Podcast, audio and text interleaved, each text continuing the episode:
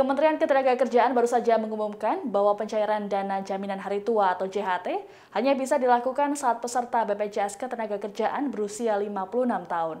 Kebijakan ini pun menimbulkan sejumlah pertanyaan hingga protes dari sejumlah kalangan utamanya pekerja.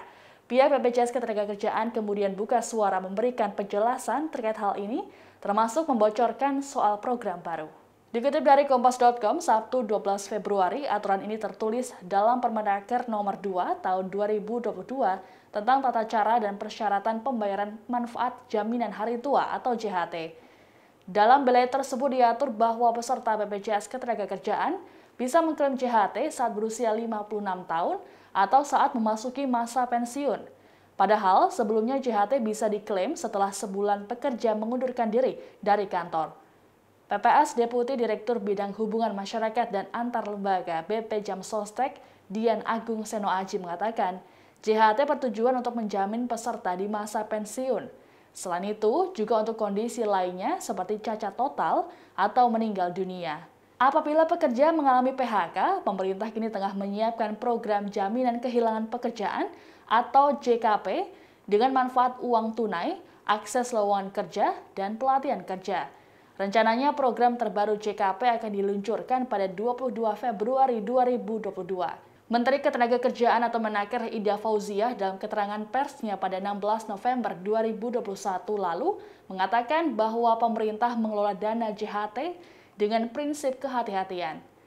Sementara itu, aturan baru ini telah menimbulkan protes di kalangan pekerja. Muncul sebuah petisi penolakan terhadap belait ini.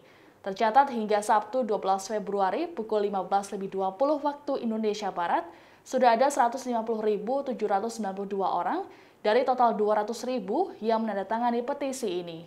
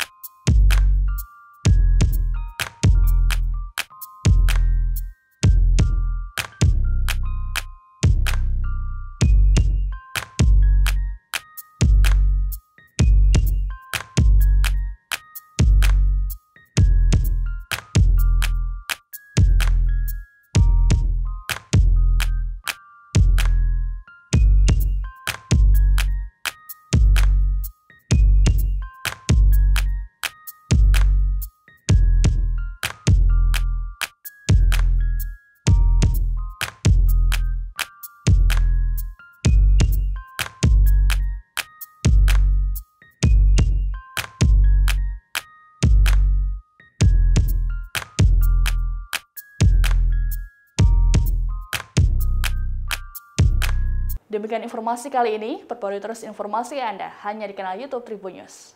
Terima kasih sudah nonton. Jangan lupa like, subscribe, dan share ya.